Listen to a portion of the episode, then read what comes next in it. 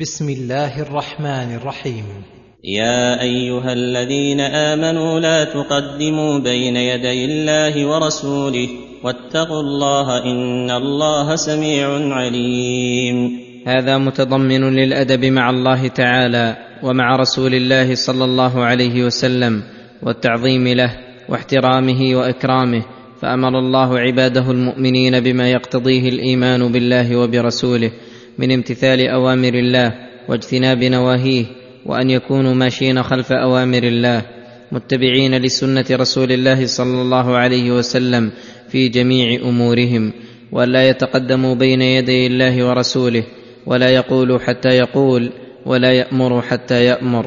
فإن هذا حقيقة الأدب الواجب مع الله ورسوله وهو عنوان سعادة العبد وفلاحه وبفواته تفوته السعادة الأبدية والنعيم السرمدي.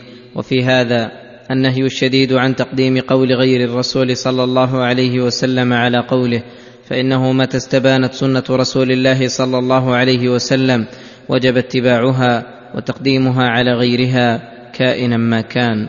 واتقوا الله إن الله سميع عليم. ثم أمر الله بتقواه عموما وهي كما قال طلق بن حبيب أن تعمل بطاعة الله على نور من الله.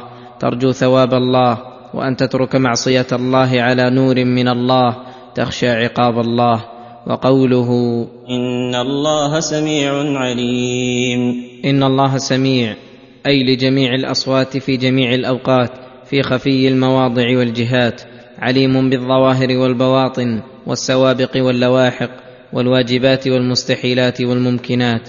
وفي ذكر الاسمين الكريمين بعد النهي عن التقدم بين يدي الله ورسوله والأمر بتقواه حث على امتثال تلك الأوامر الحسنة والآداب المستحسنة وترهيب عن عدم الامتثال.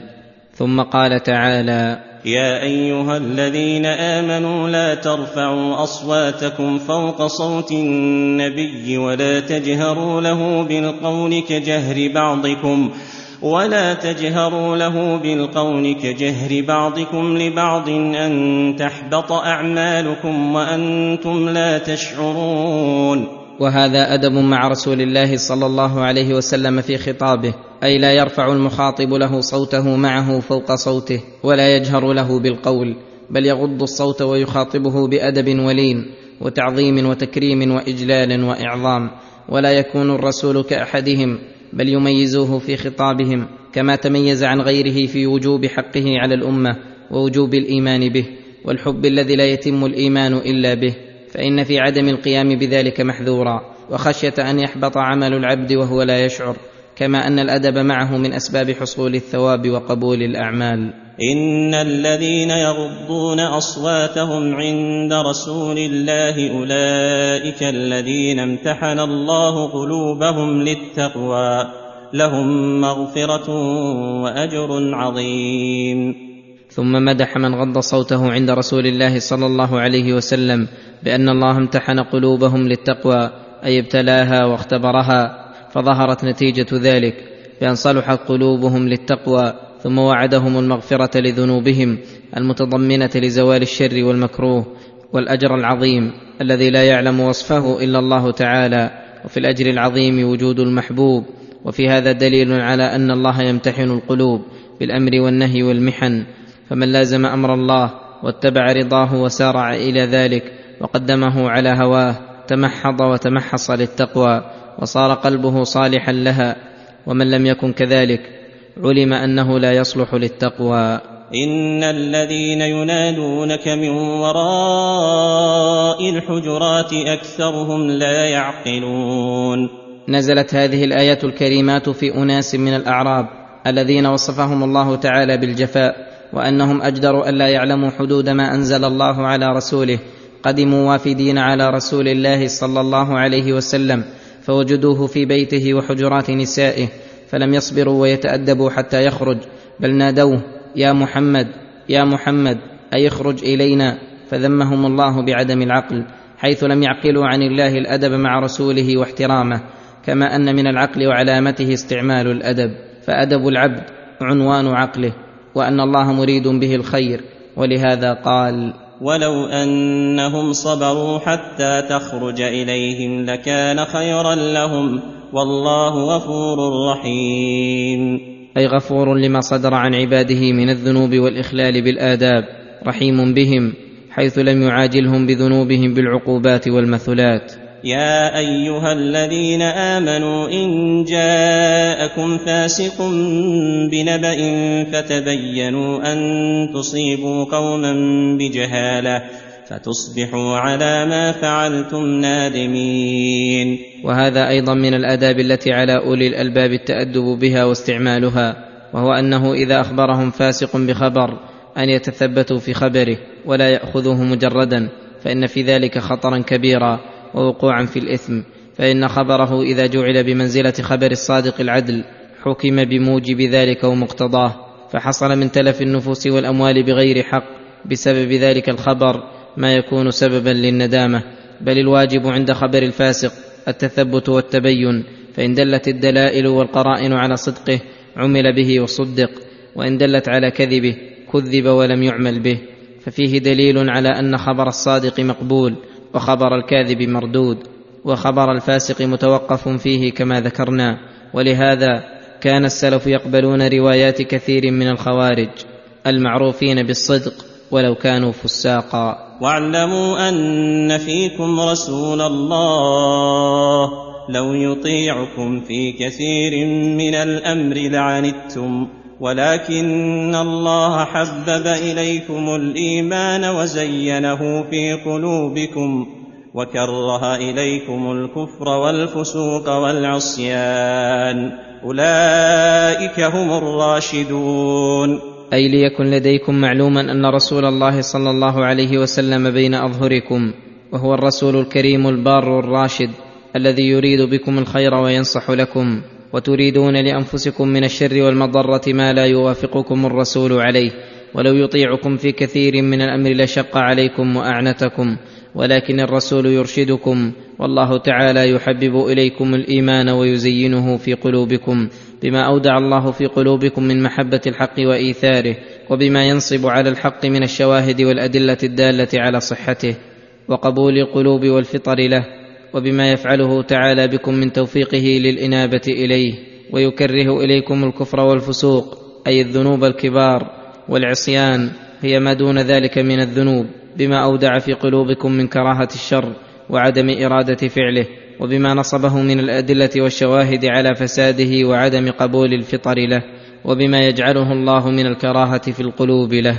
أولئك هم الراشدون. أولئك أي الذين زين الله الإيمان في قلوبهم وحببه إليهم وكره إليهم الكفر والفسوق والعصيان. هم الراشدون. أي الذين صلحت علومهم وأعمالهم واستقاموا على الدين القويم والصراط المستقيم وضدهم الغاوون الذين حبب إليهم الكفر والفسوق والعصيان وكره إليهم الإيمان والذنب ذنبهم فإنهم لما فسقوا طبع الله على قلوبهم ولما زاغوا أزاغ الله قلوبهم ولما لم يؤمنوا بالحق لما جاءهم أول مرة قلب الله أفئدتهم وقوله فضلا من الله ونعمة. أي ذلك الخير الذي حصل لهم هو بفضل الله عليهم وإحسانه لا بحولهم وقوتهم. والله عليم حكيم. أي عليم بمن يشكر النعمة فيوفقه لها ممن لا يشكرها ولا تليق به. فيضع فضله حيث تقتضيه حكمته. وإن طائفتان من المؤمنين اقتتلوا فأصلحوا بينهما فإن بغت إحداهما على الأخرى فقاتلوا فقاتلوا التي تبغي حتى تفيء إلى أمر الله فإن فاءت فأصلحوا بينهما بالعدل وأقسطوا. ان الله يحب المقسطين. هذا متضمن لنهي المؤمنين عن أن يبغي بعضهم على بعض ويقاتل بعضهم بعضا وأنه إذا اقتتلت طائفتان من المؤمنين فإن على غيرهم من المؤمنين أن يتلافوا هذا الشر الكبير بالإصلاح بينهم والتوسط بذلك على أكمل وجه يقع به الصلح ويسلك الطريق الموصله إلى ذلك فإن صلحتا فبها ونعمت. فإن بغت إحداهما على الأخرى فقاتلوا التي تبغي حتى تفيء إلى أمر الله. أي ترجع إلى ما حد الله ورسوله من فعل الخير وترك الشر الذي من أعظمه الاقتتال وقوله فإن فاءت فأصلحوا بينهما بالعدل وأقسطوا. هذا أمر بالصلح وبالعدل في الصلح فإن الصلح قد يوجد. ولكن لا يكون بالعدل بل بالظلم والحيف على أحد الخصمين فهذا ليس هو الصلح المأمور به فيجب أن لا يراعى أحدهما لقرابة أو وطن أو غير ذلك من المقاصد والأغراض التي توجب العدول عن العدل. إن الله يحب المقسطين. أي العادلين في حكمهم بين الناس وفي جميع الولايات التي تولوها حتى إنه قد يدخل في ذلك عدل الرجل في أهله وعياله في أدائه حقوقهم. وفي الحديث الصحيح المقسطون عند الله على منابر من نور الذين يعدلون في حكمهم وأهليهم وما ولوا. إنما المؤمنون إخوة فأصلحوا بين أخويكم واتقوا الله لعلكم ترحمون. إنما المؤمنون إخوة هذا عقد عقده الله بين المؤمنين أنه إذا وجد من أي شخص كان في مشرق الأرض ومغربها الإيمان بالله وملائكته وكتبه ورسله واليوم الآخر فإنه أخ للمؤمنين أخوة توجب أن يحب له المؤمنون ما يحبون لأنفسهم ويكرهون له ما يكرهون لأنفسهم. ولهذا قال النبي صلى الله عليه وسلم امرا بحقوق الأخوة الإيمانية لا تحاسدوا ولا تناجشوا ولا تباغضوا. ولا يبع أحدكم على بيع بعض. وكونوا عباد الله إخوانا. المؤمن أخو المؤمن. لا يظلمه ولا يخذله ولا يحقره. وقال صلى الله عليه وسلم المؤمن للمؤمن كالبنيان. يشد بعضه بعضا. وشبك صلى الله عليه وسلم بين أصابعه. ولقد أمر الله ورسوله بالقيام بحقوق المؤمنين بعضهم لبعض. وبما به يحصل التآلف والتوادد والتواصل بينهم. كل هذا تأييد لحقوق بعضهم على بعض فمن ذلك إذا وقع الاقتتال بينهم الموجب لتفرق القلوب وتباغضها وتدابرها فليصلح المؤمنون بين إخوانهم وليسعوا فيما به يزول شنآنهم ثم أمر بالتقوى عموما ورتب على القيام بحقوق المؤمنين وبتقوى الله الرحمة فقال لعلكم ترحمون.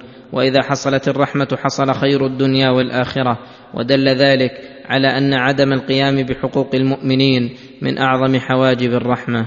وفي هاتين الآيتين من الفوائد غير ما تقدم أن الاقتتال بين المؤمنين مناف للأخوة الإيمانية ولهذا كان من أكبر الكبائر وأن الإيمان والأخوة الإيمانية لا تزول مع وجود القتال كغيره من الذنوب الكبار التي دون الشرك. وعلى ذلك مذهب أهل السنة والجماعة وعلى وجوب الإصلاح بين المؤمنين بالعدل وعلى وجوب قتال البغاة حتى يرجعوا إلى أمر الله وعلى أنهم لو رجعوا لغير أمر الله بان رجعوا على وجه لا يجوز الإقرار عليه والتزامه أنه لا يجوز ذلك وأن أموالهم معصومة لأن الله أباح دماءهم وقت استمرارهم على بغيهم خاصة دون أموالهم. يا أيها الذين آمنوا لا يسخر قوم من قوم عسى أن يكونوا خيرا منهم ولا نساء من نساء عسى أن يكن خيرا منهن ولا تلمزوا أنفسكم ولا تنابزوا بالألقاب بئس الاسم الفسوق بعد الإيمان ومن لم يتب فأولئك هم الظالمون. وهذا أيضا من حقوق المؤمنين بعضهم على بعض الا يسخر قوم من قوم بكل كلام وقول وفعل دال على تحقير الأخ المسلم فإن ذلك حرام لا يجوز وهو دال على إعجاب الساخر بنفسه وعسى أن يكون المسخور به خيرا من الساخر كما هو الغالب والواقع. فإن السخرية لا تقع إلا من قلب ممتلئ من مساوئ الأخلاق متحل بكل خلق ذميم. ولهذا قال النبي صلى الله عليه وسلم بحسب امرئ من الشر أن يحقر أخاه المسلم. ثم قال ولا تلمزوا أنفسكم أي لا يعب بعضكم على بعض واللمز بالقول والهمز بالفعل. وكلاهما منهي عنه حرام متوعد عليه بالنار. كما قال تعالى ويل لكل همزة لمزة. وسمى الأخ المؤمن نفسا لأخيه لأن المؤمنين ينبغي أن يكون هكذا حالهم كالجسد الواحد ولأنه إذا همز غيره أوجب للغير أن يهمزه فيكون هو المتسبب لذلك. ولا تنابزوا بالألقاب. أي لا يعير أحدكم أخاه ويلقبه بلقب ذم يكره أن يطلق عليه وهذا هو التنابز. وأما الألقاب غير المذمومة فلا تدخل في هذا. بئس الاسم الفسوق بعد الإيمان ومن لم يتب فأولئك هم الظالمون. أي بئس ما تبدلتم عن الإيمان والعمل بشرائعه وما تقتضيه بالإعراض عن أوامره ونواهيه باسم الفسوق والعصيان الذي هو التنابز بالألقاب. ومن لم يتب فأولئك هم الظالمون. فهذا هو الواجب على العبد أن يتوب إلى الله تعالى ويخرج من حق أخيه المسلم باستحلاله والاستغفار والمدح له مقابلة على ذمه. ومن لم يتب فأولئك هم الظالمون. فالناس قسمان ظالم لنفسه غير تائب وتائب مفلح ولا ثم قسم ثالث غيرهما. يا أيها الذين آمنوا اجتنبوا كثيرا من الظن إن بعض الظن إثم ولا تجسسوا ولا تجسسوا ولا يغتب بعضكم بعضا أيحب أحدكم أن يأكل لحم أخيه ميتا فكرهتموه واتقوا الله إن الله تواب رحيم نهى تعالى عن كثير من الظن السوء بالمؤمنين فإن بعض الظن إثم وذلك كالظن الخالي من الحقيقة والقرينة وكظن السوء الذي يقترن به كثير من الأقوال والأفعال المحرمة فإن بقاء ظن السوء بالقلب لا يقتصر صاحبه على مجرد ذلك بل لا يزال به حتى يقول ما لا ينبغي ويفعل ما لا ينبغي وفي ذلك أيضا إساءة الظن بالمسلم وبغضه وعداوته. المأمور بخلاف ذلك منه. ولا تجسسوا. أي لا تفتشوا عن عورات المسلمين ولا تتبعوها. واتركوا المسلم على حاله. واستعملوا التغافل عن أحواله. التي إذا فتشت ظهر منها ما لا ينبغي. ولا يغتب بعضكم بعضا. والغيبة كما قال النبي صلى الله عليه وسلم ذكرك أخاك بما يكره ولو كان فيه. ثم ذكر مثلا منفرا عن الغيبة. فقال أيحب أحدكم أن يأكل لحم أخيه ميتا فكرهتموه. شبه أكل لحمه ميتا المكروه للنفوس غاية الكراهة باغتيابه فكما أنكم تكرهون أكل لحمه وخصوصا إذا كان ميتا فاقد الروح فكذلك فلتكرهوا غيبته وأكل لحمه حيا. واتقوا الله إن الله تواب رحيم. والتواب الذي يأذن بتوبة عبده فيوفقه لها ثم يتوب عليه بقبول توبته رحيم بعباده حيث دعاهم إلى ما ينفعهم وقبل منهم التوبة. وفي هذه الآية دليل على التحذير الشديد من الغيبة وأن الغيبة من الكبائر لأن الله شبهها بأكل لحم الميت وذلك من الكبائر. يا أيها الناس إنا خلقناكم من ذكر وأنثى وجعلناكم شعوبا وجعلناكم شعوبا وقبائل لتعارفوا إن أكرمكم عند الله يتقاكم إن الله عليم خبير يخبر تعالى أنه خلق بني آدم من أصل واحد وجنس واحد وكلهم من ذكر وأنثى ويرجعون جميعهم إلى آدم وحواء ولكن الله تعالى بث منهما رجالا كثيرا ونساء وفرقهم وجعلهم شعوبا وقبائل أي قبائل صغارا وكبارا وذلك لأجل أن يتعارفوا فإنهم لو استقل كل واحد منهم بنفسه لم يحصل بذلك التعارف الذي يترتب عليه التناصر والتعاون والتوارث والقيام بحقوق الأقارب ولكن الله جعلهم شعوبا وقبائل لأجل أن تحصل هذه الأمور وغيرها مما يتوقف على التعارف ولحوق الأنساب. ولكن الكرم بالتقوى فأكرمهم عند الله أتقاهم وهو أكثرهم طاعة وانكفافا عن المعاصي. لا أكثرهم قرابة وقوما ولا أشرفهم نسبا. ولكن الله تعالى عليم خبير. يعلم من يقوم منهم بتقوى الله ظاهرا وباطنا ممن يقوم بذلك ظاهرا لا باطنا فيجازي كلا بما يستحق. وفي هذه الآية دليل على أن معرفة الأنساب مطلوبة مشروعة لأن الله جعلهم شعوبا وقبائل لأجل ذلك. قالت الأعراب آمنا قل لم تؤمنوا ولكن قولوا اسلمنا ولما يدخل الايمان في قلوبكم وان تطيعوا الله ورسوله لا يلتكم من اعمالكم شيئا ان الله غفور رحيم. يخبر تعالى عن مقاله الاعراب الذين دخلوا في الاسلام في عهد رسول الله صلى الله عليه وسلم دخولا من غير بصيره ولا قيام بما يجب ويقتضيه الإيمان وأنهم ادعوا مع هذا وقالوا آمنا أي إيمانا كاملا مستوفيا لجميع أموره هذا موجب هذا الكلام. فأمر الله رسوله أن يرد عليهم فقال قل لم تؤمنوا ولكن قولوا أسلمنا ولما يدخل الإيمان في قلوبكم. قل لم تؤمنوا أي لا تدعوا لأنفسكم مقام الإيمان. ظاهرا وباطنا كاملا. ولكن قولوا أسلمنا أي دخلنا في الإسلام واقتصروا على ذلك. والسبب في ذلك أنه لما يدخل الإيمان في قلوبكم وإنما آمنتم خوفا أو رجاء أو نحو ذلك مما هو السبب في إيمانكم. فلذلك لم تدخل بشاشة الإيمان في قلوبكم. وفي قوله ولما يدخل الإيمان في قلوبكم أي وقت هذا الكلام الذي صدر منكم فكان فيه إشارة إلى أحوالهم بعد ذلك فإن كثيرا منهم من الله عليهم بالإيمان الحقيقي والجهاد في سبيل الله. وإن تطيعوا الله ورسوله لا يلتكم من أعمالكم شيئا إن الله غفور رحيم.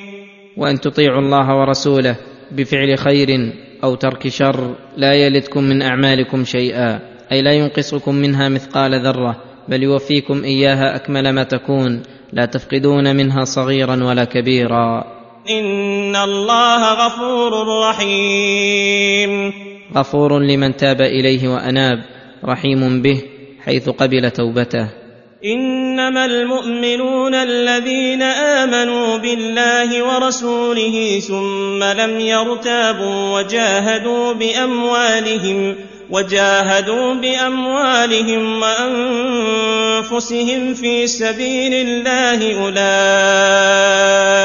هم الصادقون.